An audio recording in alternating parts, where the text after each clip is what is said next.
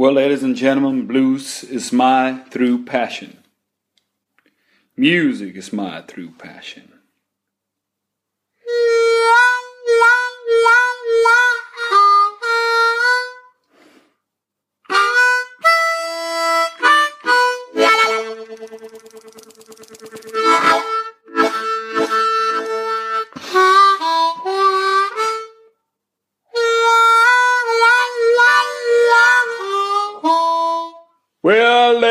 My streets cold and lonely.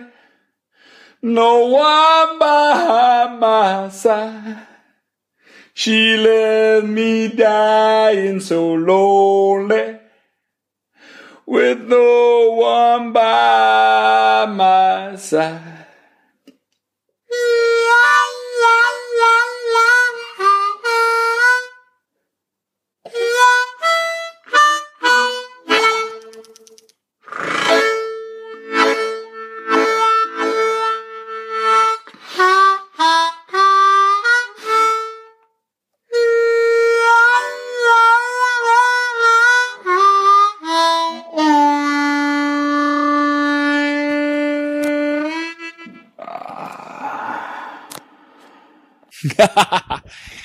All right.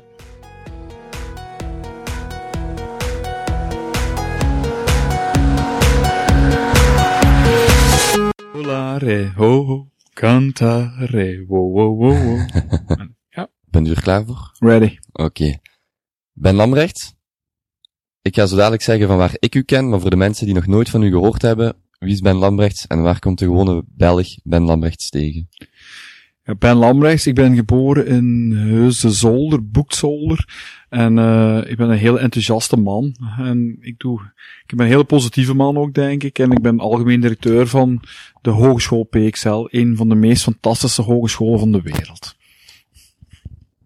U woont ook nog in Heusenzolder?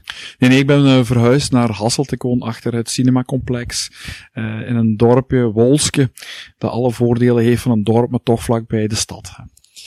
Ik zei net, de, allereerste keer dat ik u zag, ik studeer sinds 2011 aan de PXL, als ik mij niet vergis, um, was dat u op een foto in Belang van Limburg stond nadat de PXL of de PHL toen nog, als ik me niet vergis, um, de regatta had gewonnen. En u stond daar zo tussen de studenten als, als rockster, als, um, als eigenlijk, ja, ik dacht als dat de directeur is, dat belooft, want dat was toen de allereerste keer, ik denk dat dat vlak was voordat ik naar de PXL kwam.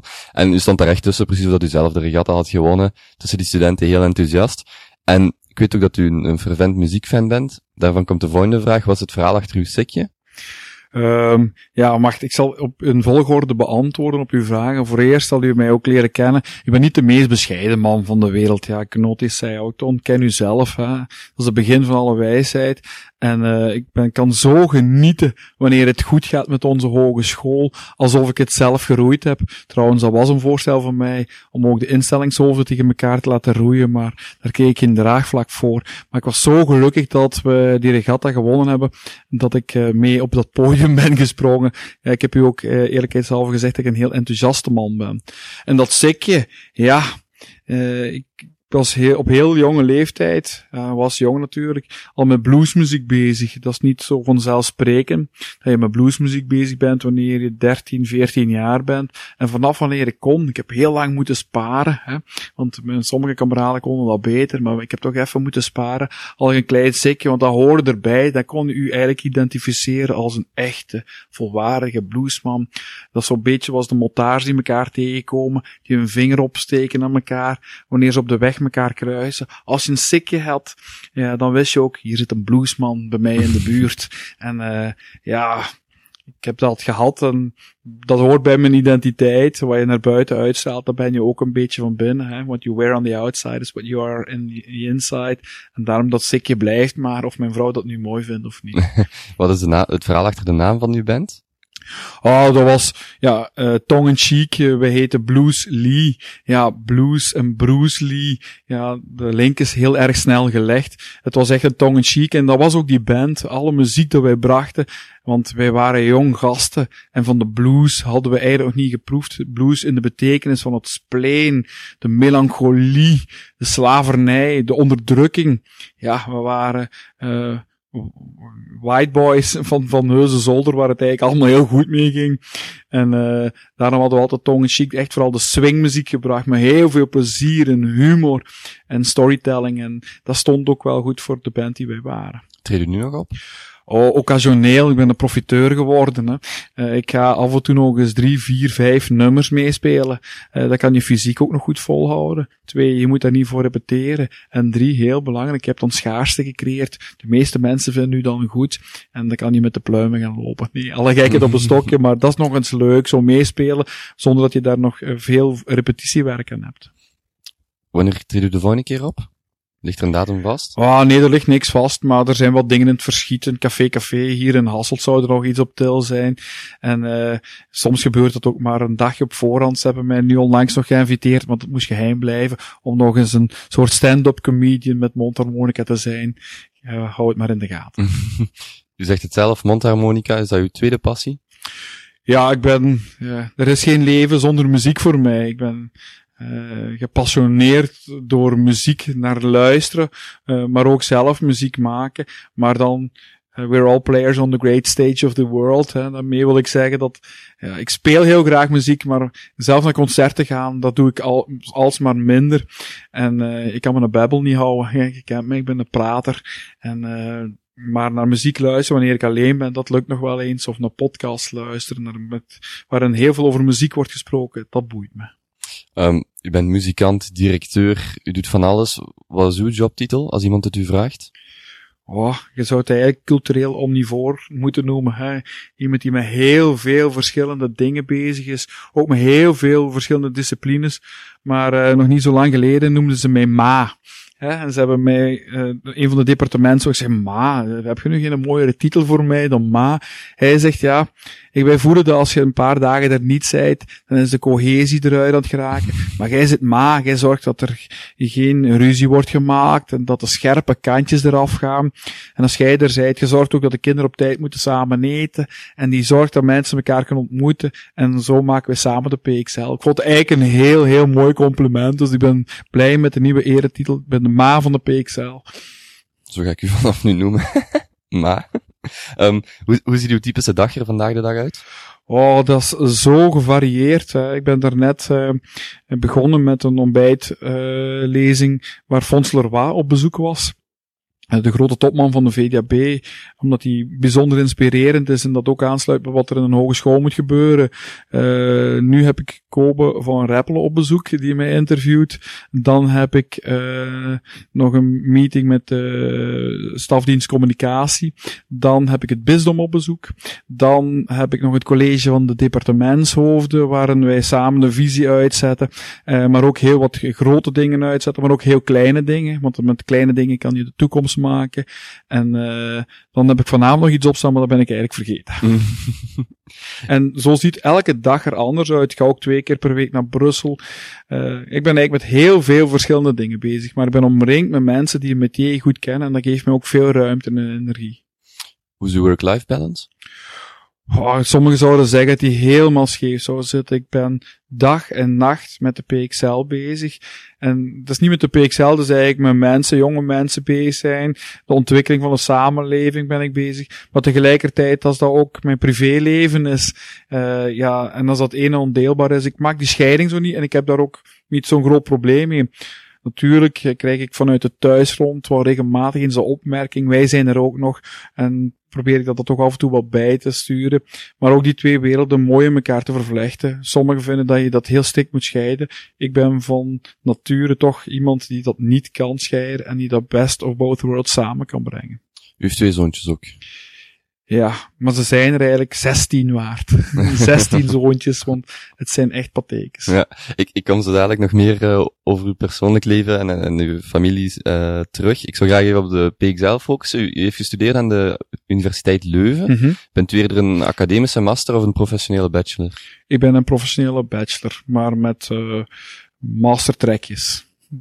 Bent u tevreden met de studie die, waarvoor u gekozen, gekozen heeft? Goh, ik denk dat minstens de helft van de mensen zeggen dat ze een andere verwachting hebben gehad van een opleiding. En bij mij is dat ook niet anders geweest. Maar uh, ja, Talk Talk, dat is een groep die toen ik een heel klein manneke was in de jaren tachtig zei, Uh, lies what you make it, can escape it. Dat diploma is maar één vehikel dat je nodig hebt om je leven mee te maken. En je moet daar het beste van maken. En ik ben, ik ga geen uitgebreide uh, analyse of uh, maken van hoe tot ik mijn studiekeuze heb gemaakt. Want dan durf ik eigenlijk aan de mensen niet uit te leggen. Als je 18 jaar bent, maak je op een heel vreemde manier een studiekeuze. Uh, maar ik heb met die pedagogie toch het beste van gemaakt, denk ik. Pedagogische wetenschappen. ja. ja. ja. Hoe bent u dan uiteindelijk bij de, uh, bij de PXL terechtgekomen? Of de PAL in ja, die tijd? Ja, het was zo dat men hier zocht men in het kader van het laptopproject, dat toch wel wat uh, renommee had, zocht men ook iemand die, ja, daar heb je het weer, de call toe moest zijn, die de mensen moest opleiden, die die, die digitale snelweg op moest uh, brengen. En dat heb ik dan ook heel graag gedaan. Ik heb ook heel veel kansen gekregen, ben dus aangeworven, kreeg een eigen centrum dat we mochten uitbouwen. En daarmee heb ik ook de hogescholen naar dwarsdoorsneden heel erg goed leren kennen. Want als je verantwoordelijk bent voor de vorming van het personeel, dan weet je meer. Maar ambitieus als ik ben, en ook, we hadden maar beperkte financiële middelen, moesten we natuurlijk ook zorgen dat er wel wat inkomsten kwamen. Dus hebben we ook voor secundair onderwijs opleidingen georganiseerd. Ook voor het hele werkveld waar onze hogeschool toe kwam. En zo konden we eigenlijk ook weer co-creatief samenleren, intervisie. En dan had je eigenlijk verschillende vliegen in één klap. En op een bepaald moment is er de mogelijkheid om algemeen directeur te worden? Ja, het is, ja, Kobe, toen je er net binnenkwam, zei ik nog tegen jou, ah, er zijn zoveel wedstrijden. En als er wat inhoud aan vasthangt, haken heel wat mensen af. Ik heb daarvoor willen gaan. Ik was uh, 28, 29 jaar toen ik kandideerde voor deze functie. En uh, oprecht, ik heb u er straks gezegd dat ik niet de meest bescheiden man van de wereld ben, om dat toch eufemistisch te zeggen. Maar ja, ik heb, dat, ik heb die sprong gewaagd, maar ik dacht, die kans is toch relatief klein dat ik het zou worden. Hoewel ik vond dat ik een aantal basisbeginselen had die wel beantwoorden wat een hogeschooldirecteur zou aan moeten voldoen, volgens mij. Was er ook geluk mee gemoeid? Ja, in het leven heb je altijd geluk nodig. maar er, zoals uh, velen zeggen, moet het geluk ook een beetje helpen. Uh, dat heb ik ook gedaan. Maar uh, ja, ik heb, ik heb wel geluk gehad, denk ik, ja. Hoe lang zit u nu in deze functie? 12 jaar? 13? Ik denk in even tellen, ik ben geselecteerd geworden 2004 in december. Ik ben van start gegaan als adjunct algemeen directeur, omdat er een inloopperiode was. Uh, in 2005, in maart 2005 ben ik eigenlijk waarnemend directeur geworden. Vanaf dan is het traject eigenlijk echt gestart. Ja, ongeveer 11 jaar op dit ja, moment. Ja. Zijn er verwachtingen die u had die niet zijn ingelost? Oh, waarschijnlijk velen. Hè. Het is uh, een grote organisatie. Uh, dat is eigenlijk geen speedboot, maar we gedragen ons wel dikwijls als een speedboot in het hoger onderwijs. Maar de grote krijtlijnen die we uitgezet hebben, dat we echt het dienstverlenende hogeschool wouden zijn, waar de grenzen tussen de, de maatschappij en onze hogeschool, dat die eigenlijk vervagen. Uh, de dynamiek, de power waar we van droomden, uh, het onderzoeksgedeelte. Ik denk dat we eigenlijk in veel van die grote dingen die wij vooropgesteld hadden, dat we daarin geslaagd zijn. En ik zeker niet alleen, hè. ik heb dat met heel veel knappe collega's gedaan, want, want wij zijn algemeen directeur. Zijn studenten klanten voor u? Oh, klanten vind ik zo mercantilistisch of utilistisch. Uh, ik vind dat eigenlijk, uh, ja, ja, ligt eraan. Ik vind het woord heel semantisch en vind ik het niet het mooiste woord van de wereld. Maar als ik een winkel, een winkel zou hebben, uh, of een mooie boekenwinkel hebben, en ik zou mijn passie mijn klanten kennen en ik zou hen kunnen helpen en we worden samen rijker van, ja, dan mag je studenten wel klanten noemen voor mij. Ja. Ik kreeg onlangs een, een e-mail van u, of dat was een e-mail die naar de studenten was gericht, en daar sprak u ons of hen aan met, met beste junior collega. Mm -hmm. Is dat een bewuste keuze dan? Ja, want uh, zoals uh, Wittgenstein zei, taal beïnvloedt de werkelijkheid. Hè. Niet altijd de werkelijkheid beïnvloedt de taal, maar ook omgekeerd. En wanneer wij hier stevast meer over junior collega's gaan uh, spreken, dan wordt dat ook zo. Als we dat blijven volhouden. En waarom wil ik dat zo? Omdat ik niet meer geloof dat uh, onze docenten, uh, ikzelf of de administratie van de hogeschool, dat wij alles weten. U weet, hè, uh, alle, alle kennis verdubbeld, verdriedubbeld, vertrippeld. Allee, we hebben immens veel kennis. Niemand kan dat allemaal weten. En wij geloven ook sterk dat wij een organisatie zijn die samen in co-creatie met de samenleving heel wat mooi weer kan maken. Heel wat mooie dingen doen en heel veel oplossingen bieden. En hoe kan je dan het beste leren? Is als je, onze studenten gemotiveerd zijn. En hoe kan je ze motiveren? Door hen op een gelijke voet te behandelen en waarin ze effectief concreet aan projecten mogen werken die iets betekenen in onze samenleving. We zijn er nog niet helemaal hoor, laat dat duidelijk zijn. Maar uh, wanneer we als junior collega zo spreken, dan, dan weet ik ook dat we dat in de toekomst waar kunnen maken. U zegt iets betekenen in de samenleving. In uh, 2014 won u de, of werd u genomineerd voor de Herman Dessers ondernemersprijs. Mm -hmm. En dat te maken met het opzetten van de Pop en Rock Academie. Is dat een beetje uw geesteskind met uw achtergrond als, als muzikant en dan directeur?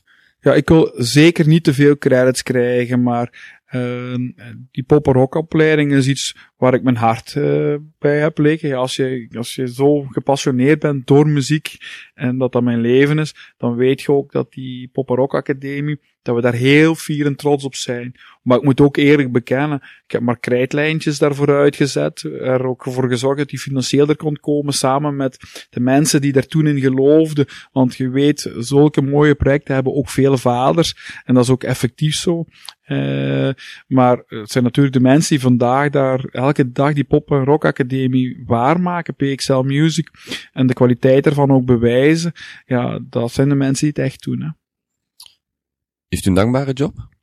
Oh ja, ik heb, ik heb eigenlijk een heel dankbare job. Ik krijg ongelooflijk veel credits voor dingen die ik nooit zelf gedaan heb. Ja, zoals u nu zegt over die Pop Rock Academie. En wanneer het goed gaat met de hogeschool, dan zegt iedereen knap gedaan, Lamreis, chique bal. Maar uh, het is zo dat dat het werk is, dag in, dag uit, van duizend collega's die hier werken. Ook van studenten die hier uh, de hogeschool maken. Maar ook onze partners in dat werkveld die onze hogeschool maken. En ja, dat is... Uh, daar krijg ik allemaal credits voor. Voor al het mooie werk die doen. Dus ik geloof dat ik een van de meest dankbare jobs van de wereld heb. Waar krijgt u geen credit voor? Voor iets wat, wat u wel doet? Nee, zelden. Uh, en als, als er zulke dingen zijn, zal ik het graag de buitenwereld laten weten. Want de dingen waar we goed in zijn, die willen we zeker aan de buitenwereld laten weten. Nee, nee, nee. Wat is voor u nu nog het grootste doel voor de PXL? Met u aan het roer? Goh. Allee, er is nog heel, heel, heel wat in beweging. Hè. Wie weet dat een hogeschool, zoals in deze vorm, niet meer zal bestaan tussen dit en tien jaar. Er zijn vele uitdagers in de samenleving. Je kent het model van Porter misschien, dat is een economisch model. Er zijn altijd challengers. Hè. Er zijn universiteiten die alles online aanbieden en die toch heel hoge kwaliteit aanbieden.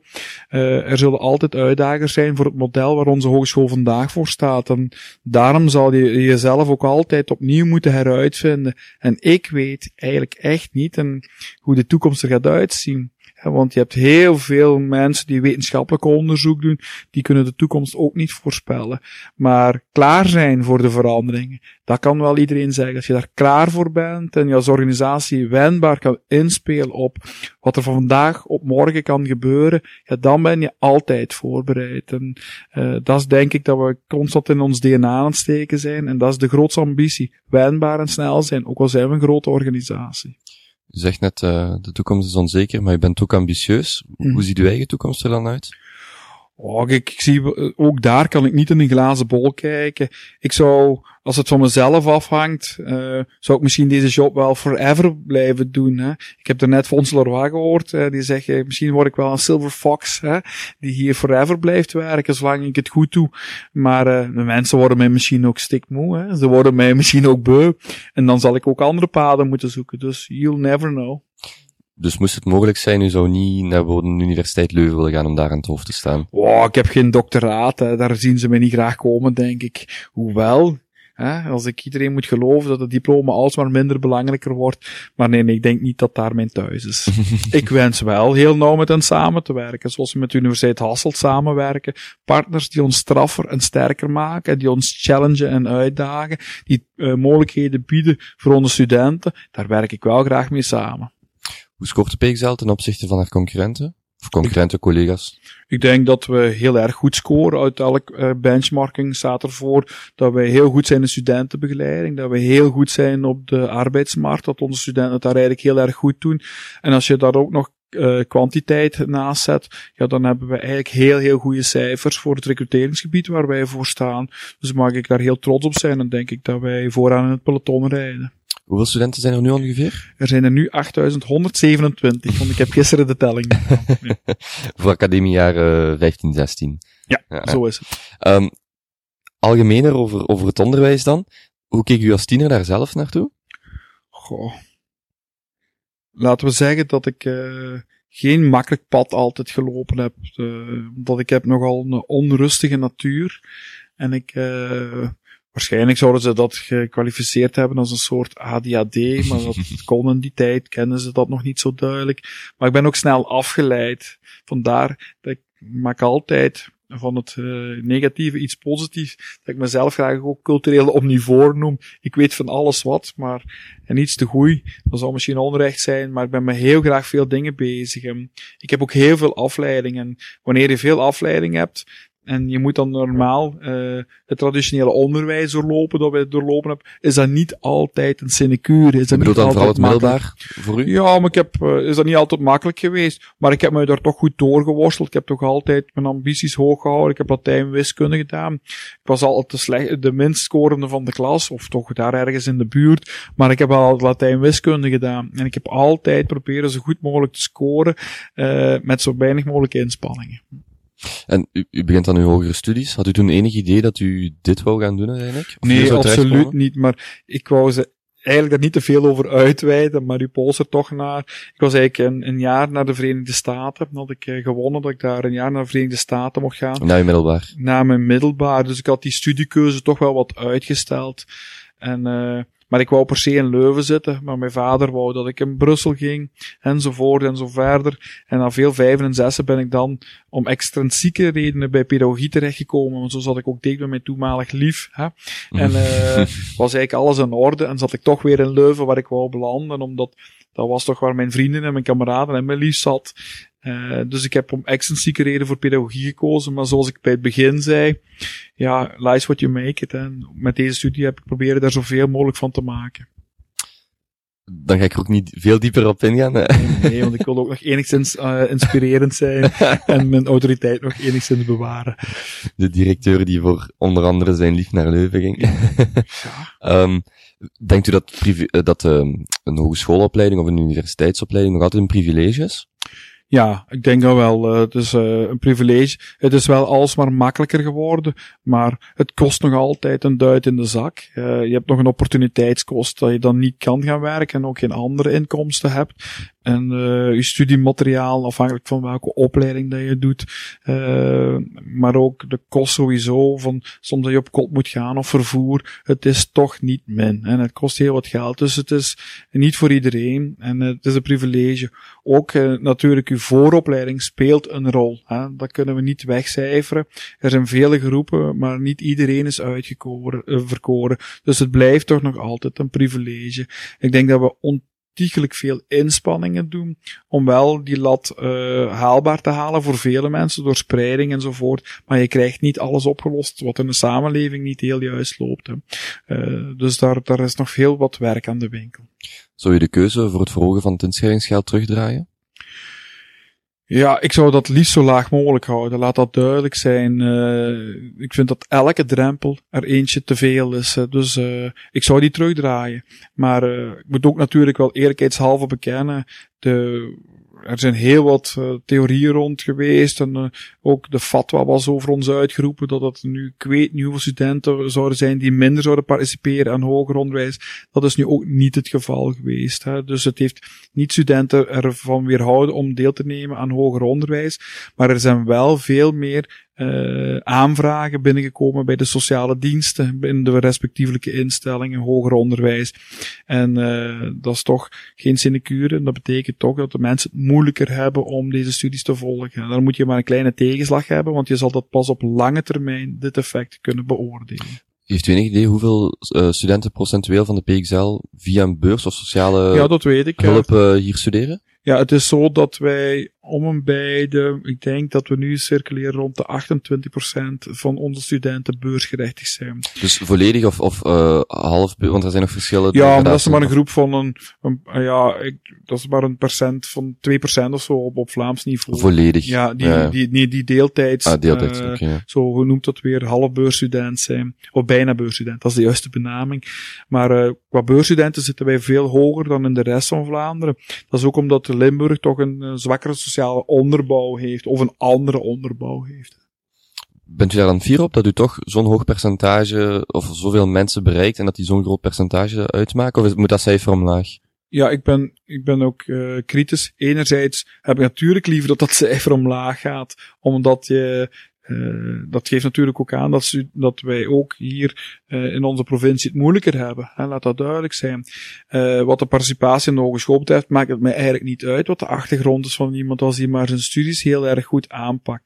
Ik moet u alleen er wel bij zeggen, en er is geen verband met beursstudent of niet beursstudent, maar we hebben ook een andere onderbouw als voorbereiding naar het hoger onderwijs. We hebben veel meer BSO en TSO studenten in, in onze provincie. Ja waardoor het toch moeilijker is in de participatie naar een professionele bachelor of een master. En waardoor ook de doorstroomcijfers van onze instelling lager liggen dan in de rest van Vlaanderen. U zegt dat middelbaar onderwijs in Limburg minder goed is afgesteld op, op hoger onderwijs? Of dat de profielen misschien niet zo goed aansluiten als in de rest van Vlaanderen? Hoe nee, dat is eigenlijk niet. Het is zo dat uh, de studenten die je hebt gewoon meer studenten die BSO en TSO gedaan hebben. En je weet dat een ASO-diploma standaard beter voorbereidt op een uh, diploma hoger onderwijs. Maar het is natuurlijk zo dat door de sociale achtergrond uh, van onze provincie, ook de migratieachtergrond, dat we veel meer leerlingen in het beroepssecundair onderwijs gekregen hebben. En daar is werk aan de winkel, want ik ga er principieel van uit dat iedereen eigenlijk even slim is. Allee, dat is een boetade natuurlijk, en daar zitten wat standaard deviaties op, maar iedereen is eigenlijk even slim. Waarom zouden ze in andere provincies slimmer zijn dan in Limburg? Dat is dus niet. Dus wij moeten veel meer een herwaardering krijgen van het technisch en het beroepsonderwijs.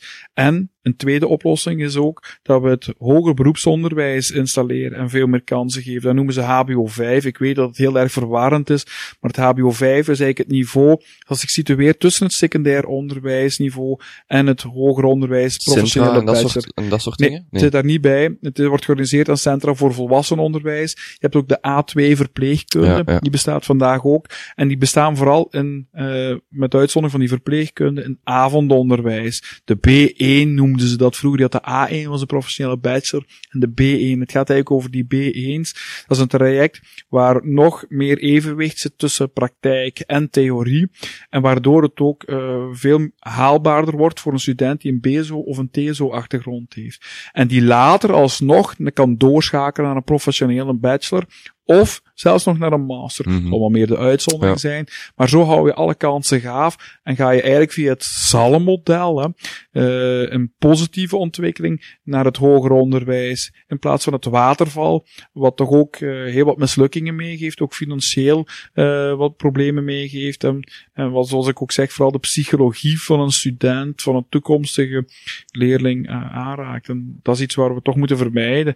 Maar als je echt goed weet dat je hogere studies aan kan, moet je dat doen. Maar er zijn ook veel meer alternatieven nu om de minder steile helling, om de vergelijking te maken naar de Himalaya te beklimmen. Je kan de hele steile helling nemen, die is korter, of je kan de iets langgerektere uh, kant nemen van de Himalaya, maar die met minder weerstand, minder stekelijk in de zon schijnt daar ook meer.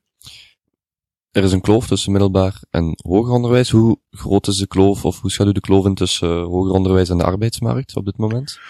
Ook die zal er altijd zijn. Ik, ik uh, hoor dat al uh, honderden jaren bij manier van spreken, zo lang ga ik niet mee. Maar er, zullen altijd uh, bedrijfsleiders zeggen dat de student niet voorbereid is op de arbeidsmarkt, omdat men ook dikwijls heel specifieke behoeften heeft, die ook aan tendensen zijn gebonden of aan een momentum. het is zo dat je ook dikwijls on the job nog moet leren en dat je dan ook nog voorbereiding hebt. Wij willen eigenlijk studenten voorbereiden. Dat is enerzijds ja, um, goed hun métier kennen, maar anderzijds ook leren leren, want dat zal belangrijk zijn. En trouwens, die heel strikte afstemming op de arbeidsmarkt is één ding, maar we willen de mensen ook in de wereld zetten. En een toekomstige veranderende wereld, daar hadden we het er straks over, om hen daar een plaats te geven. En waar je jezelf je eigen werk moet gaan genereren, want die wereld zit zo in elkaar, waar je een ondernemende entrepreneur moet zijn, of een intrapreneur als je binnen een bedrijf werkt. En ja, men zal nooit tevreden zijn, één bedrijfsleider, en zeker, maar men, ik hoor toch wel dat die afstemming alsmaar beter is. Zonder ons te prostitueren aan die arbeidsmarkt en toe te geven aan elke tendens. Maar u werkt wel nauwgezet samen met, met de arbeidsmarkt. Ja, met wij doen, er, wij doen er heel, heel wat, steken er heel wat energie in, maar we nemen er genoeg waardoor dat ze ook regelmatig elkaar kunnen tegenspreken en we terug weer wat ruimte hebben en dat we ook de reflectie daardoor sterker maken. Maar bijvoorbeeld, we hebben uh, in onze raad uh, van bestuur van onze hogeschool is eigenlijk het hele maatschappelijke veld betrokken. Werkgeversorganisaties, sociale organisaties, vakorganisaties, studenten, personeelsleden, uh, mensen uit de overheden, uit de politieke wereld enzovoort. Dus we hebben daar eigenlijk een groot draagvlak die samen mee de visie van onze hogescholen uitzetten. Daarnaast hebben we ook heel wat betrokkenheid in projecten. Zoals ik zei, studenten kunnen alsmaar meer samen met bedrijven en organisaties aan projecten werken en daar is de student goed mee af. Daar leert de docent ook van bij. En is ook het bedrijf kan daar heel wat van leren. En zo hebben we heel wat vliegen in één klap geslagen. En wat ook is, uh, is dat we uh, de voorzitters van onze opleidingsraden, dat zijn uh, ook allemaal mensen uit dat beroepenveld die als een kritische vriend samenwerken. Maar opgelet, niet zo utilitair voorbereid alleen maar op die arbeidsmarkt, om hen ook een soort homo universalis te maken. Hè? De mens die klaar is voor zijn toekomst op alle terreinen. En wij hebben dat eigenlijk operationaliseerd in de X-factor. De PXL X-factor. Daar heb je als student hier misschien ook al van gehoord. En het is maar een metafoor. Hè? Eh, zoals je vele metaforen hebt. Maar die metafoor die heeft vier beentjes. En beentje één is dat je empathie hebt dat je empathie hebt, dat je als haast antropologisch in de huid van de ander kan kruipen, om hem beter te begrijpen en beter mee samen te werken. Want dat is heel erg belangrijk. Ja, die passie. Als je niet gepassioneerd bent voor wat je doet, ja, dan word je zo grijs als een muis en uh, dat is niet de persoon waar wij voor willen staan. Daarnaast willen we ook dat we ondernemend en innovatief zijn. Want we weten dat de wereld alsmaar verandert. Uh, en dat je daar ook klaar voor moet zijn voor die, voor die wereld alsmaar in verandering. Dan heb je dat ook nodig. En we hebben ook ondernemers nodig in het, onze wereld. Want zij maken ook de toekomst. Hè. Zo ben jij ook één. Uh, daarnaast wensen we ook de hogeschool met het netwerk te zijn, samenwerkend, internationaal, met onze partners. En daar stond die co-creatie voor. En dan, ik ben hem weer vergeten. Uh, er was nog een vierde beentje, dat komt me zelfs nog wel even terug. Het was dit, is natuurlijk wel grappig, want iemand die voor de eerste keer luistert weet, weet dat natuurlijk niet, maar ik heb u al eens gesproken en toen heb ik u eens gevraagd naar de vier beentjes. Maar ze komen zelfs wel terug, hè. je hebt een passie, ondernemerschap, ik ga eens even kijken in mijn boekjes hier. Ik weet het u zelfs nog wel te zeggen. En, en er was nog iets, ja. Samenwerken vooral, hè, die netwerken, maar ik, had u, ik kan het u wel uitleggen. Daar komen we straks wel even op terugkomen. Oké. We halen net even de privé aan. Zou u, kan u nog verleid worden om in de privé te gaan werken? Ik ga het nu zeggen kopen, anders ben ik mijn draad kwijt. Dus die multidisciplinariteit is ook heel erg belangrijk. Dat is het vierde beentje. dat is het vierde beentje, omdat je altijd met mensen uit andere disciplines moet samenwerken. Als je bijvoorbeeld een game moet maken, ja, dan heb je een pedagoog nodig, een technicus, een informaticus. Je hebt nood aan iemand uh, die de engine maakt, dus de informaticus, maar je hebt ook degene die het beeld nodig heeft, de graficus, en daarnaast ook de muzikant voor de bloops en de bleeps. Dat is heel erg belangrijk. En tegelijkertijd, en zo heb ik daar straks al gezegd, hebben we ook mensen nodig die hun métier nog kennen, die een discipline hebben.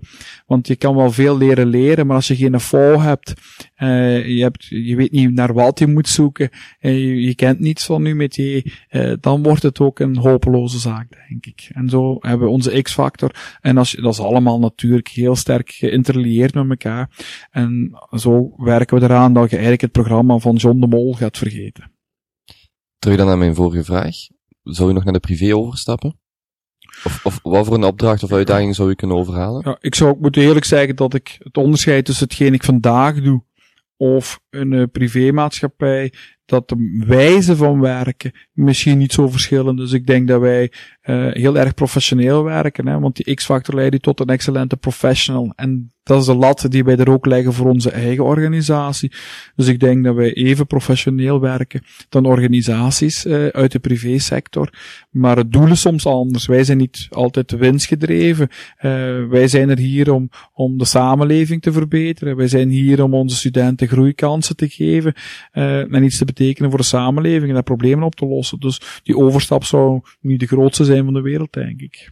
Maar u zou hem wel doen. U, u, privé is, blijft een luik dat open blijft staan. Ja, zoals ik u daar straks zei, ik zou hier graag die Silver Fox worden, die hier eeuwig blijft, omdat ik denk dat ik weinig uh, jobs in de wereld ga zien die me zoveel inspiratie, dynamiek, en power geven dan wat ik hier vandaag mag doen in deze instellingen. Ik kom hier marketeers tegen, ik kom uh, communicatieverantwoordelijken tegen, ik kom pop en rockers tegen, kunstenaars, uh, verpleegkundigen, mensen uit de bouwsector, uit de technische wereld, uh, uit de lerarenopleiding, uit de hele business segment en telkens ook in de internationale context. En we zijn altijd met vernieuwingen, nieuwe dingen bezig. Hier verveel je je nooit. Het is een levend labo. En de organisatie die mij zoiets kan bieden, ja, die ben ik nog niet zozeer tegengekomen. Maar u bent nog maar 40. Ik ben nog maar 40, maar ik heb u gezegd, wie weet wordt men mij hier wel stik, stik, stik moet komen. En dan uh, zal ik ook andere horizonten moeten verkennen. Stel, u wordt morgen door de politiek opgebeld en u krijgt tien jaar als minister van Onderwijs. Mm -hmm. Heel hypothetisch natuurlijk. Mm -hmm. Wat zou u, uh, wat zouden uw steunpilaren zijn?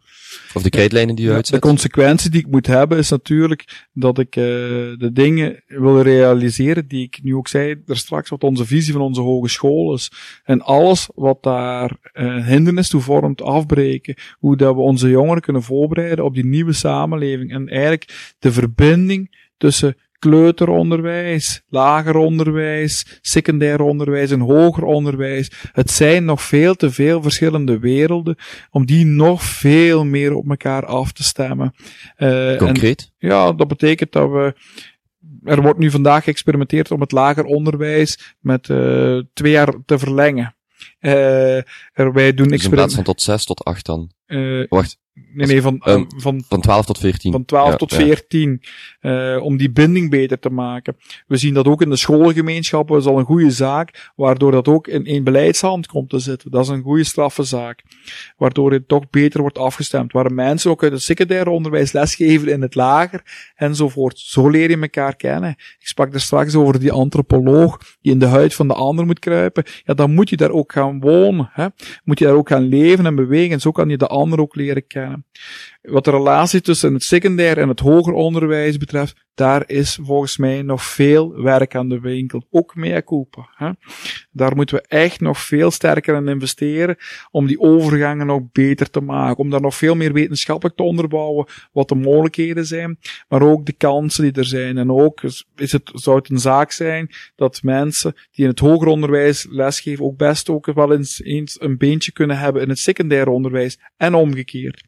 Wat wij als hogeschool alvast doen is vandaag uh, studenten uit het secundair onderwijs de mogelijkheid bieden om al een vak op te nemen of, of, een, of een aantal studiepunten op te nemen in onze instelling om die beter te proeven, om die overgang zachter te maken. Zoiets zou je ook uh, promoten dan? Ja, dat doen wij nu vandaag ook. Als minister? Ja, ja, dat zou ik al zeker op inzetten. Maar dus, maar ik moet me dan nog eens goed bevragen, want in de minister van Onderwijs ben je maar één keer dikwijls. Je krijgt daar meestal maar één legislatuur door en dan ben je pomp af. En het is een heel moeilijke boot om mee te vervaren. Hè. Het is uh, een olietanker die ook alle richtingen wil uitgaan. Dus het is geen sinecure. Dus het moet iemand zijn die wel heel krachtig is. Dus geen gemakkelijke. Maar je moet natuurlijk iedereen meekrijgen. Maar anderzijds moet je ook soms krachtdadig durven beslissen. Maar vanuit mijn optiek en mijn achtergrond zou ik onmiddellijk HBO 5 installeren en dat veel duidelijker op de markt brengen. Zijn er keuzes gemaakt in het verleden die u zou terugdraaien? Goh. Of één, één bepaalde keuze dat u zegt dat heeft het ons onderwijs geen goed gedaan? Ja, het is, het lijkt heel klein te zijn, maar het is van immens belang. Vroeger waren er middelen uh, voor de mentorenopleiding. En dat betekent wanneer je een leerkrachtopleiding was, een opleiding, of een leraar een opleiding. Als bachelor dan, ja, als A1. Ja, ja, en je gaat naar een secundaire school, dat geldt ook voor de masterstudenten, dan waren daar mentorenuren, dat er ook mensen die tijd en ruimte kregen om je op te vangen. Die je eerste jaren ook uh, wanneer je op die arbeidsmarkt stond, hè, wanneer je kerstvers leraar was, om u beter te begeleiden. Die middelen zijn allemaal afgeschaft. En dat betekent vandaag uh, dat het leraarberoep alsmaar minder aantrekkelijker geworden is. Dat je ook mensen hebt die tot leraar gevormd zijn, maar afhaken. En dat is bijzonder erg, want leraren, zij maken de toekomst. Zij hebben onze jongeren in handen. En daardoor is het beroep eigenlijk ook veel minder aantrekkelijker geworden. Men zegt, ja, maar de kwaliteit van de leraaropleiding, de kwaliteit van de leeropleiding, daar schort niets aan. Want ze hebben overal goede visitaties over de methodiek die ze gebruiken, de kwaliteit van het personeel. Het probleem zit natuurlijk aan de aantrek van het beroep. Het prestige is verminderd. Vroeger was een leraar gelijk aan de pastoor. Ze hebben allebei moeten inboeten aan prestige. Maar dat, dat was iemand die betekenis had in de samenleving. Daar keek men naar op. Maar vandaag heeft men ook die arbeidsmarkt moeilijker gemaakt. Dat betekent, je wordt leraar en dan moet je van Koersel uh, lesgeven, daarna een Bilze, dan moet je dan nog eens in Brussel gaan geven. Het duurt weet niet hoe lang voordat je een vaste betrekking hebt. Uh, je krijgt je lening bij de bank daardoor en dat gaat snel rond, want uh, je ziet die mensen, die jongeren die op zoek zijn, een weg te zoeken als leraar, die heel veel obstakels zoeken, die niet genoeg begeleiding krijgen in hun eerste jaren. En jongelingen die dan moeten kiezen voor dat beroep, die haken daar dan ook snel door af. Dus we moeten echt wel werken aan dat prestige van dat beroep. En dat doe je door uh, de job van leerkracht terug interessanter te maken. En zeker ook in die beginjaren. Dus het terugdraaien van de... Van de... Mentorenuren. Ja. Dat zou ik nooit gedaan hebben. Wanneer is die keuze gemaakt? Oh, ik denk dat dat een jaar of zeven geleden gebeurd is. Mm -hmm. um, ja, want u, wat u net zei, ik had een leerkracht in het middelbaar, in het vijfde of in het zesde, en die gaf op drie verschillende scholen les. Drie middelbare scholen. Ik weet niet hoeveel uur natuurlijk, en die moest dan met de trein van de een naar de andere. Dat was eigenlijk absurd, ja. dat die, dat die gast dat nog deed. Ja, ja. Maar wel, uh, ja, maar ja, als je dan inderdaad geen lening krijgt en je hebt zus en, en nog factor A en B die daar ook in meespeelt, ja. is dat natuurlijk een Ja, probleem. en natuurlijk ook, en daar horen we ook onze leraren veel over, over klagen. En ik denk dat dat wel terecht is, ook de bureaucratie. Veel te veel meten en zweten en veel te veel pedagogen, ik ben er zelf in, dus ik mag dat zeggen, die en allerhande regeltjes hebben, ook het opstapelen van wat je allemaal in die kinderen hun hoofd moet stouwen. Hè? Uh, verkeersopvoeding, uh, ze moeten ook uh, sociale competenties hebben, ze, je moet hen leren naar de jeugdbeweging gaan. Hè? Alles moet je die kinderen maar aanleren en soms is dat ook te veel. Hè? Ik ken iemand die organiseert een sociaal experiment die de deuren sluit van zijn hogeschool. Ja, ja. Ho hoe past dat erin? Ah, dat klopt, omdat ik zei daar straks tegen u, wij moeten ons als hogeschool blijven heruitvinden. Er kan elke dag een bedreiging opstaan, maar ook een opportuniteit opstaan. En dan is het nu net zaak om een instelling te zijn, ook al hebben we duizend personeelsleden en zijn we zogenaamd, ik zeg zogenaamd, een log overheidsinstituut, uh, wij kunnen heel snel en wendbaar inspelen op veranderingen. En door die deuren plots te sluiten, hebben we dat moeten doen. En ik stel alleen maar vast dat iedereen dit jaar met twee vingers in de neus zegt, ik laat die twee dagen maar komen, Lambris. Misschien, ja, sorry dat ik onderbreek, maar misschien voor de mensen die absoluut geen idee hebben waar we over spreken. Vorig jaar in 2015, als ik me niet vergis, mm -hmm. is voor de eerste keer PXL Breekt Uit uh, georganiseerd, waarin eigenlijk 48 uur lang of twee werkdagen Dagen, ja. lang, ja, de deuren gewoon werden gesloten. Dus dat werd ja. ook zo gecommuniceerd dan van we sluiten gewoon de deuren. En trek dan uw plan. En trek uw plan. En dat was toen wel ongelukkig, omdat dat de allereerste keer was, dus dat is sowieso ongelukkig. Maar dat viel dan ook tijdens de examenperiode, dus daar was in ieder geval heel veel rond te doen, maar uiteindelijk wel positief afgesloten, denk ik. Ja. En nu in 2016 wordt het de tweede keer georganiseerd. En weer onder het, dezelfde noemer, hetzelfde concept. De hogeschool sluit gewoon haar deuren, ook alle deuren. Mm -hmm. Niet alleen het hoofdgebouw hier, maar echt alles.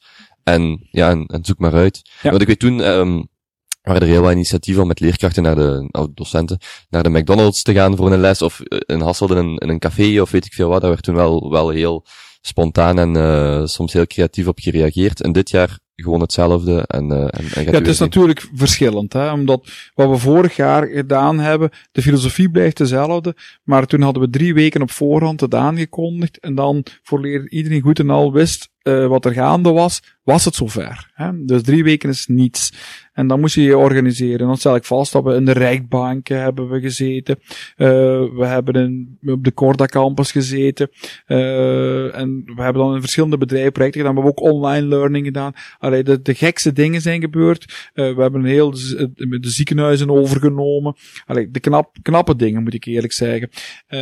nu is, je kan, en er zijn toch hopelijk geen heel jonge luisteraars naar uw podcast. Maar ik kan niet natuurlijk zeggen, twee keren zeggen dat Sinterklaas niet bestaat. Hè? Dat, kan je niet meer doen. Dus iedereen kent het concept toe. Daardoor verandert de natuur er ook wel van. Uh, het is zo dat we nu een lange aanloop nemen. Uh, iedereen, het gaat op 1, uh, 20 en 21 april zijn. Men weet het sinds het einde van het jaar ervoor. En men kan nu uh, de snelheid en de wendbaarheid omzetten naar snelheid wendbaarheid. Maar ook een kwalitatief design, waarin we nu in voorbereiding met de bedrijven en organisaties eraan het werken. Anderzijds moet ik ook eerlijk bekennen dat het ook maar een toonmoment is van iets waar we het ganse jaar aan werken. Onze studenten zitten vandaag uh, software management volgen volledig hun traject op uh, het laatste jaar op de Corda campus. Dat zijn allemaal geen vreemde zaken. Hè. Onze studenten hebben in het Centrudo ziekenhuis multidisciplinair ergotherapie, verpleegkunde uh, en sociaal werk over de departementen heen ook. Runnen zij daar een hele afdeling. Dus de hoofdverantwoordelijken moeten daar een bevoegdheden tijdelijk al staan. En zij runnen dat team. Er wordt natuurlijk wel als schaduwgewijs opgevolgd door de verantwoordelijke, maar zij zijn zelf actief. Dus die dingen is eigenlijk, is eigenlijk breekt uit nu ook een toonmoment geworden van hoe we het ganse jaar doorwerken. Ik ga overgaan naar uw, naar uw dagelijks leven, naar uw persoonlijk leven. Bepaalde routines die u elke dag uitvoert? Oh, ja, elke dag sta ik op. Dan haal ik de kleine mannen uit bed. Ik heb de boterhammen de avond ervoor gesmeerd. Dat is ook een van de weinige dingen die ik moet doen. En dan uh, ga ik snel naar mijn iPhone, screen ik de media waarin de PXL of mijn collega's overal in de media zijn geweest. Ik verstuur dat door naar mijn collega's. We kijken eens of er een aantal dingen zijn waarop we kunnen reageren, want wij zijn een hogeschool die niet neutraal is, maar ook een mening heeft over de zaken. Als bijvoorbeeld minister Peters uh, vermeld dat er mogelijk wel software zit in, uh, de, in de wasmachines, dan hebben wij daar een mening over, want wij doen daar onderzoek naar en dan bel ik naar de coördinator van elektronica ICT en twee uur later zit hij in de TVL-studio of op Radio 2 of reageert hij bij Houten Kiet. Zo start ik mijn dag, maar je hebt, zoals ik daarnet zei, het kan ook met een lezing beginnen hier. Elke dag sta ik met plezier op. Je begrijpt, er gebeuren altijd mooie en onverwachte dingen hier op deze hogeschool. En daarom zijn we ook een creatief labo. Eigenlijk mag hier en zou hier eigenlijk alles moeten kunnen. Is er een hobby of ritueel waar de wereld niks van weet, dat Ben Lambrechts heeft? Oh, my guilty pleasure. Hmm. Ik ben een ongelooflijke snoeper. ik eet hier een zak Haribo leeg op een dag en uh, twee repen chocola minstens. En ik denk dat dat nog een understatement of the year is. Sport u? Nee. Absoluut niet. Maar de weg naar is geplaveid met, hè, dus ik ga sporten. ik ga wel eens sporten. Um, ik, ik, ik kan mij nu als 24-jarige voorstellen dat er een soort van, al is, het, al is het maar op los zand gebaseerd, een soort van carrièreplanning, of dat mensen daar wel over nadenken. Hoe, ver staat u? Of, of u schudt nee. nu nee, u heeft absoluut geen, uh, geen plan nee, waar u aan vasthoudt? Ja, ik post er een paar keer al naar, maar ik heb echt, ik ben een man met een plan voor deze hogeschool. Maar mijn eigen persoonlijke carrière, daar denk ik heel weinig over na. En waarschijnlijk komt het omdat ik me hier als een vis in het water voel. Ja, waarom zou ik dan daarover nadenken? Ik denk wel na over wie ik zelf als directeur wil zijn. Ja, en waar, waar u dan, want, want u zegt uw polsnaam, maar het was eigenlijk geen vraag om u, om u zogezegd nog, nog eens daarop terug te komen, maar staat u dan ongeveer waar u wou, waar u denkt dat u zou moeten staan vandaag de dag, los van of dat nu bij de PXL is of, of maakt niet uit. Bent u tevreden waar dat u vandaag de dag als 40 jaar staat? Nu, oprecht, u gaat het geloven of niet, en ik ga je toch een beetje in mijn hart laten kijken. Ik ben iemand die heel onzeker is. En ik zal nooit denken dat ik er sta of er ben.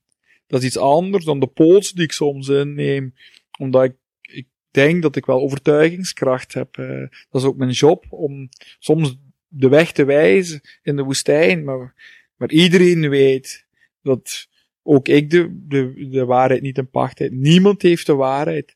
Alleen de overtuiging, hè, die heb je soms wel en daar werk ik veel mee. En als je dan een kritisch bilan van mezelf opmaakt, well, dan ben ik nog altijd heel kritisch, want Ik spiegel mezelf aan mijn voorganger, Bob Lavigne. Dat was een totale andere man dan ik. En die had zoveel sterktes die ik absoluut niet heb. En dan denk je, ja, die had ik er eigenlijk ook nog moeten bij hebben.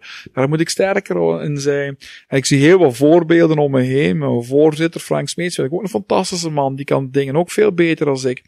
En dan zie ik uh, nog mensen in mijn omgeving die ik elke dag ontmoet. En ik zie zoveel mensen die eigenlijk allemaal veel beter zijn dan ik. Ik zeg, ik werk hier elke dag met professionals samen, mensen die gepassioneerd zijn in hun métier, eh, al die verschillende disciplines, en die daar eigenlijk allemaal veel beter over weten dan ikzelf. Je begrijpt, je zou voor minder onzeker worden. Als je constant mensen tegenkomt die de dingen beter weten dan jezelf.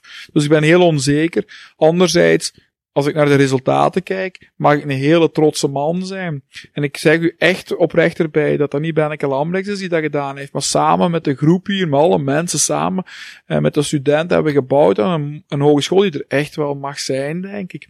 Uh, zowel kwantitatief als kwalitatief.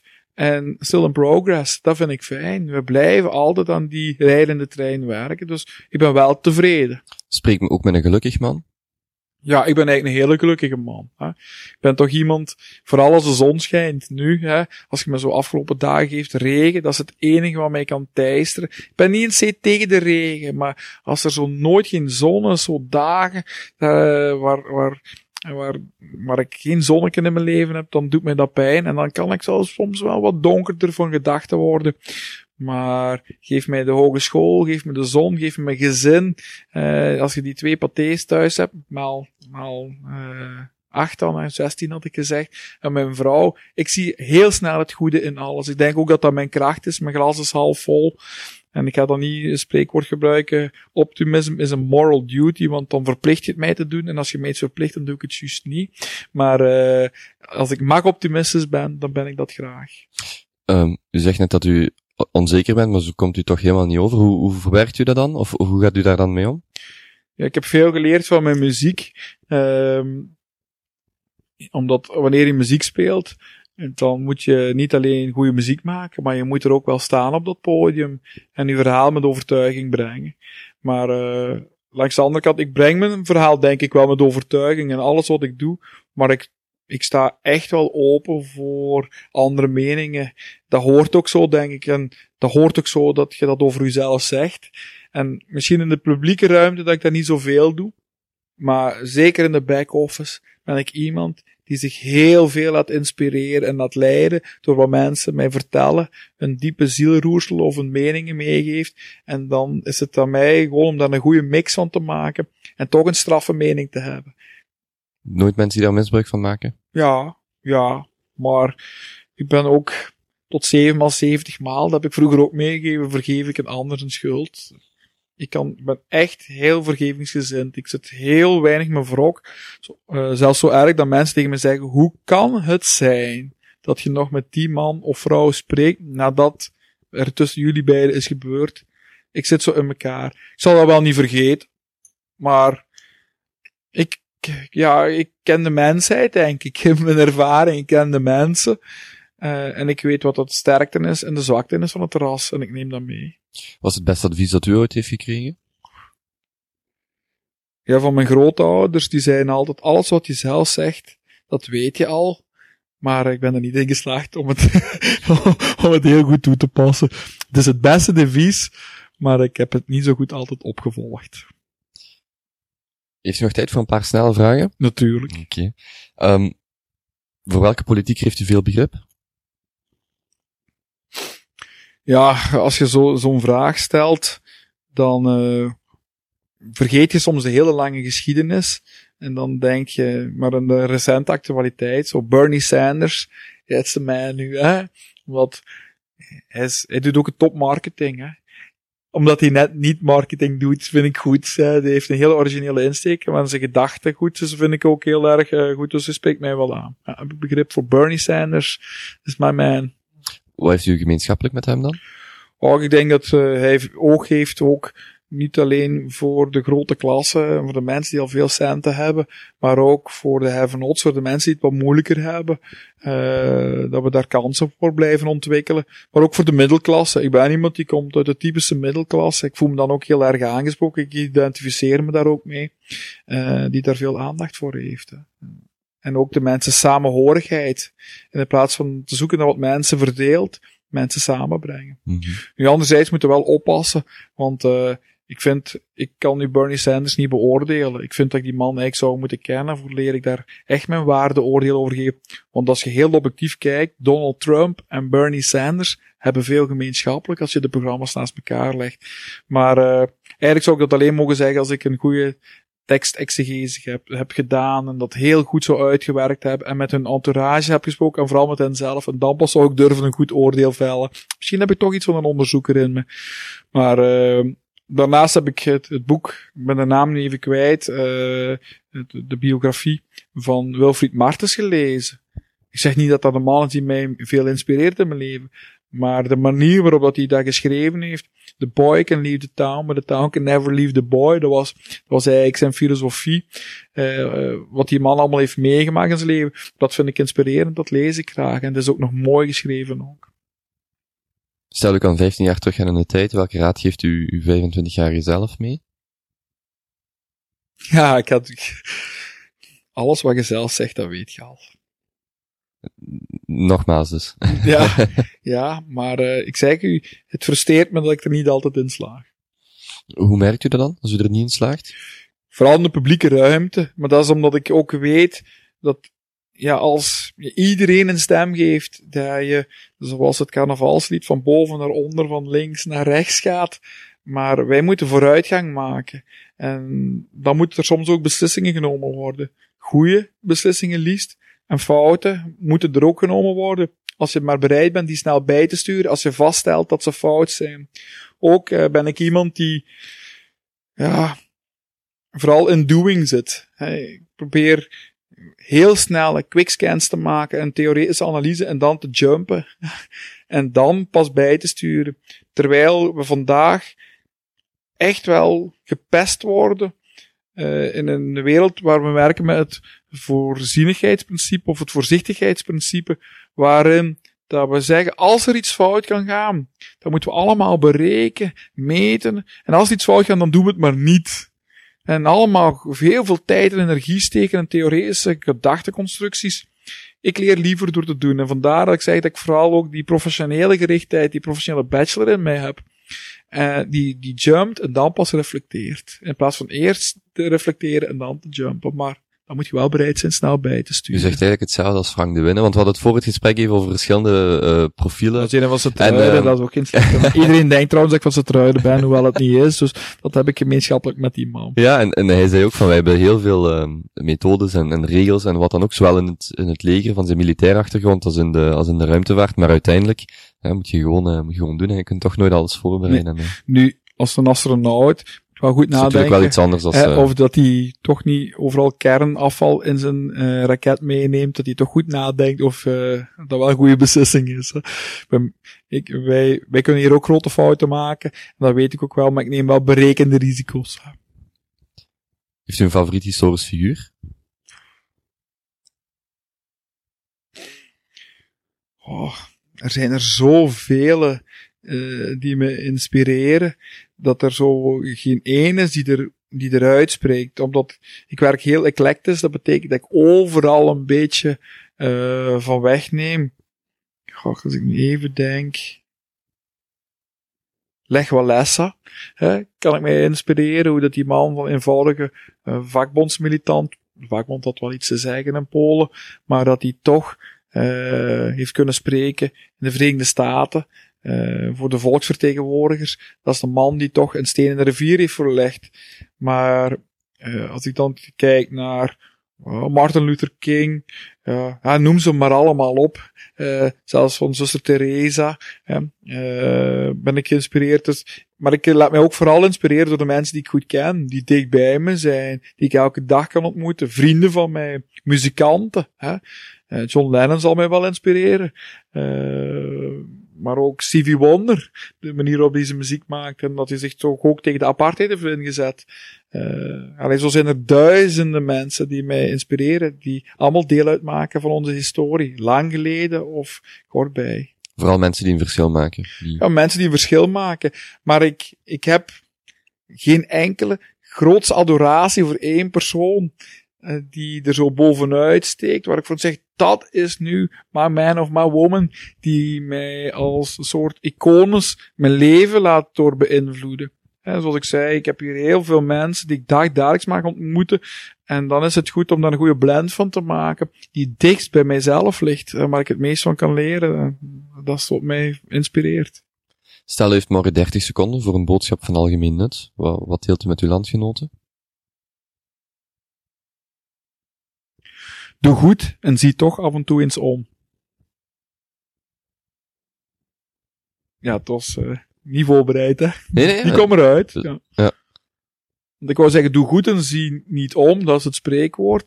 Maar ik vind dat je wel moet omkijken, af en toe, om te leren uit de geschiedenis.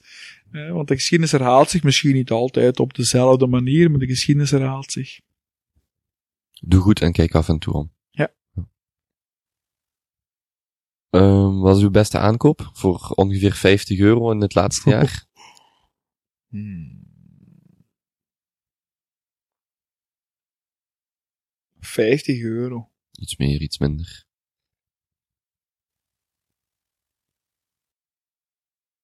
Kobe, ik zet hem even in de frigo. Oké. Okay.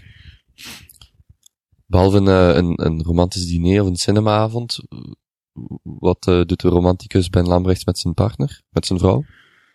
Oh, ja, ik ben een man, dus je weet wat ik het fijnste vind. Hè? Daar gaan nee. we niet over in, over uitweiden.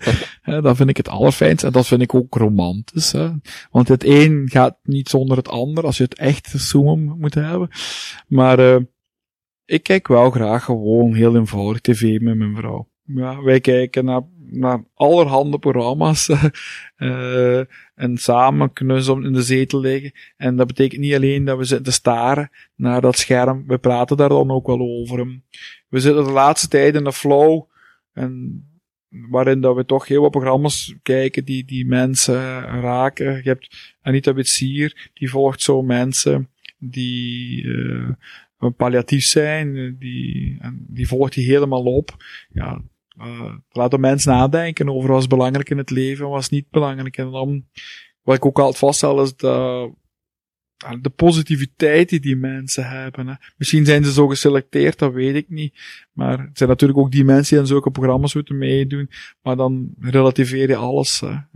Dus, dat is iets wat inspirerend is. Dat is ook een romantische avond voor u. Ja, omdat dat ik, ik weet dat dat heel vreemd klinkt, maar zo de fragiliteit van het leven, dan weet je de echte dingen, kom je dan tegen. Het is zo'n cliché, maar als je weet dat het leven eindig is, en je een partner hebt die dan bij je in een zetel zit, en die zegt, wilt je mijn voetjes nog eens masseren? en dan je dan zegt, ja, loop toch naar, hè? Ik wil die voeten masseren, hè? En je weet, een man kan geen twee dingen tegelijk. Ik kan moeilijk voeten masseren en tv kijken, hè? Dat kan ik niet. Maar, ja, dan weet je toch dat dat belangrijk is. Een partner waar je lang bij is, waar je op kunt bouwen. Als het moeilijk met u gaat, uh, die er ook altijd bij u is, die de moeder is van uw kinderen. Ja, ik weet dat het weinig echt romantisch klinkt. Het staat niet op, op de Himalaya beklimmen dan te roepen met een grote affiche, ik hou van jou schat. Maar ja, dat is voor mij wel romantiek. De volgende keer als iemand het mij vraagt, ga ik zeggen, ik ga het op zijn Ben Lambrecht doen en we gaan naar de tv kijken. Dat is ook een gemakkelijke weg, moet ik u, moet ik u ook wel zeggen. um, we hadden het daar net even over, over het middelbaar. Zou u middel, is er een middelbaar vak dat u zou verplichten?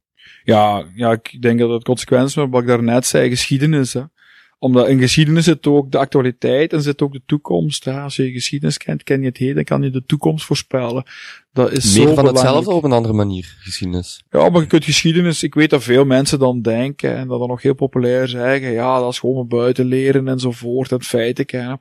Uh, niets is minder waar. Geschiedenis, uh, als je de verbanden kan leggen tussen verschillende historische gebeurtenissen. Als je kijkt wat er met de grote rijken is gebeurd op metaniveau, uh, zoals het Romeinse Rijk, dat op verval gekomen is. Hoeveel jaren dat we door donkere middeleeuwen, die ook wel eh, enigszins genuanceerd ook wel haar mooie kanten had, laat dat duidelijk zijn, maar door donkere middeleeuwen terug naar de verlichting zijn moeten gaan, dat we terug pas op dat niveau zaten. Eh, als je ziet wat er allemaal, hoeveel dingen we eigenlijk vergeten. Maar er zit ook een heel kleine ding. Als ik nu de kasten van mijn voorganger leeg ga mesten en ik ga die dikke klasseurs lezen en ik lees daar analyses hoe dat deze organisatie moest geleid worden naar organisatiestructuur, zijn dat dezelfde problemen waar we vandaag mee worstelen. Zowel in de grote als in de kleine dingen is de geschiedenis heel erg belangrijk. En daarom zei ik, doe goed, maar kijk ook in zelf en toe uh, achterom. Dus iets meer geschiedenis voor de gemiddelde middelbare student. Ja, om de wereld veel beter te kunnen begrijpen. Heeft u een specifiek, een favoriete tijdsperk? Of periode? Ook daar ben ik heel eclectisch. Hè. Dan kies ik uh, ja, de oertijd. Oh nee, dat, dat, daar zal, ja, dat kan me wel. Pff, mm, alleen die ene film daar, ben de naam even kwijt, van de eerste films gemaakt. Een Belgische film die nationaal respons gekregen hebt. Maar uh, voor de rest denk ik dat de verlichtingstijd met, met Kant, dat dat inspirerend is. Uh, maar ook anderzijds die middeleeuwen zei ik, als je daar naar die donkere periode waar het toch nog uh, wel wat licht scheen af en toe, dat zijn de periodes die aanspreken. Maar uh, wow, Caesar, de Romeinse tijd, ik heb Latijn gedaan. Uh, onbekende zonmoment, daar heb ik ook het meeste achtergrond van meegekregen. Vandaar dat ik dat ook beter kan beminnen. Maar ik ben ook, uh, als je me echt laat kiezen, dan ben ik toch meer de nieuwe geschiedenis. En zal ik, ben ik heel erg geboeid geweest over de wereldoorlogen, wat tot een waanzin mensen konden gedreven worden. Ik ben dan zelf ook de repressie met Maurice de Wilde en ik weet het.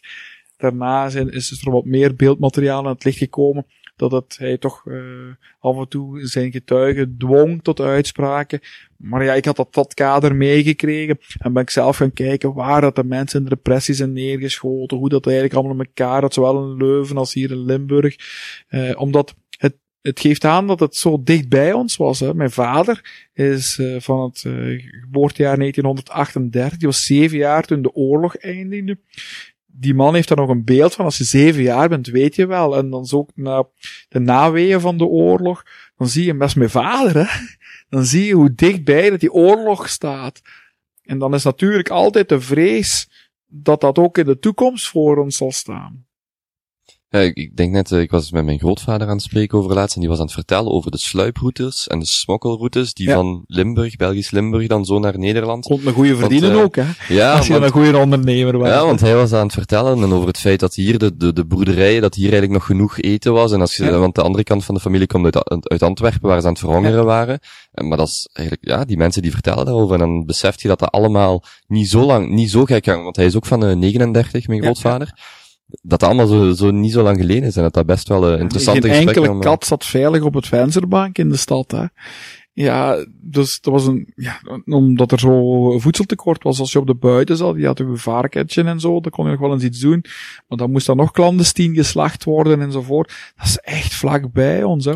En ik heb dat ook, uh, proberen uh, binnen te krijgen en mij dat er laten onderdompelen uh, en te absorberen. En dan ben ik als klein manneke ging ik dan met al die mensen praten, met de 90-jarigen bij ons in het dorp, hè, die dan ook uh, in de carbonage in Charleroi gingen werken, en die te voeten naartoe gingen, want toen was zelfs een, een fiets een luxe. En wat die mensen allemaal meegaan, dus echt die mentaliteitsgeschiedenis, die boeit mij wel. Omdat, ja, dan kom je die kleine menselijke dingen tegen. En dat zijn de dingen die ik vandaag ook gebruik. En hoe mensen zijn, hoe mensen met elkaar omgaan. Dat zijn de dingen die ik ook elke dag nodig heb. Waar komt u tot rust? Een bad. Ja, ik, dat is, ah, dat is mijn guilty pleasure. ja, ja, zo ziet je, Socrates, die stelde ook altijd de juiste vragen, want die zegt, de wijsheid zit in de mensen, als je maar de juiste vragen stelt komen. Maar in bad is echt mijn guilty pleasure, dan kom ik tot rust, dan weet ik ook, af en toe komen die kleine mannen daar toch nog eens binnen, maar de badkamer is mijn, mijn, mijn holy place, mijn sacramentum, daar, daar, daar kan ik zitten, tot rust komen een beetje in de womb, natuurlijk in de baarmoeder zitten. Uh, en dan een podcastje opzetten. Wie weet zal ik, ja, deze ga ik niet opzetten, want naar uzelf luisteren. Dat is het ergste wat je iemand kan aandoen. Maar Roland Duchatelet of andere wil ik graag wel eens naar luisteren. En dan zet ik uh, mijn podcastje op en dan luister ik en dan laat ik mij inspireren. Dan kom ik tot rust. Wie weet zit er nu al iemand in bad. Ja, voilà. maar wat ook, uh, waar ik ook tot rust kom is, om de zoveel tijd ga ik, ik heb nog geen mancage gebouwd. Dat is iets wat in is. Dat weet je, een plaats waar een man tot rust kan komen. Maar mijn kameraad heeft er zo een in zijn garage. En dan gaan we daar gezellig samen zitten. We spelen een beetje muziek en we babbelen en we reflecteren over het leven. Uh, zo, een plaats waar een man nog een man kan zijn. Of eigenlijk een jongen kan zijn. Hè? En dat is, daar kom je tot rust. Als je echt jezelf kan zijn. En dat kan ik met mijn beste maat ook heel goed. Over terug jong zijn, net uw aankoop van 50 euro, heeft u daar een, uh, al iets wat u te binnen schiet? nee, jong. Ik, uh, ik, ik, ja, ik, ik kom ook, eigenlijk leef ik toch een beetje een leukbel, heb ik door. Ik kom op weinig plaatsen. de jas heb ik pas gekocht om er, in dat stofje, in die mancage, had ik mijn jas verbrand. Dus moest ik onmiddellijk een nieuwe jas hebben. En uh, dat is mijn laatste uitgave die ik gedaan heb. En voor de rest ga ik af en toe wel eens uh, winkelen. Hè? Want uh, dat doe ik, doe ik nog af en toe eens één keer per week mag ik wel eens gaan winkelen. Dus ik weet ongeveer wat alles mag kost. U? U mag gaan winkelen. Ik mag, maar ik doe dat ook wel graag. Want ik mag alle dingen doen waar je voor naar buiten mag gaan. En mensen kan ontmoeten. Dat, is, uh, dat zijn al mijn opdrachten die ik van mijn vrouw krijg. En de boterhammen smeren. S'avonds laat. Heeft u een favoriet boek? Oh. Ook daar zijn er veel te veel geweest. Ik lees eigenlijk vooral non-fictie. Ik heb, hmm, welk boek?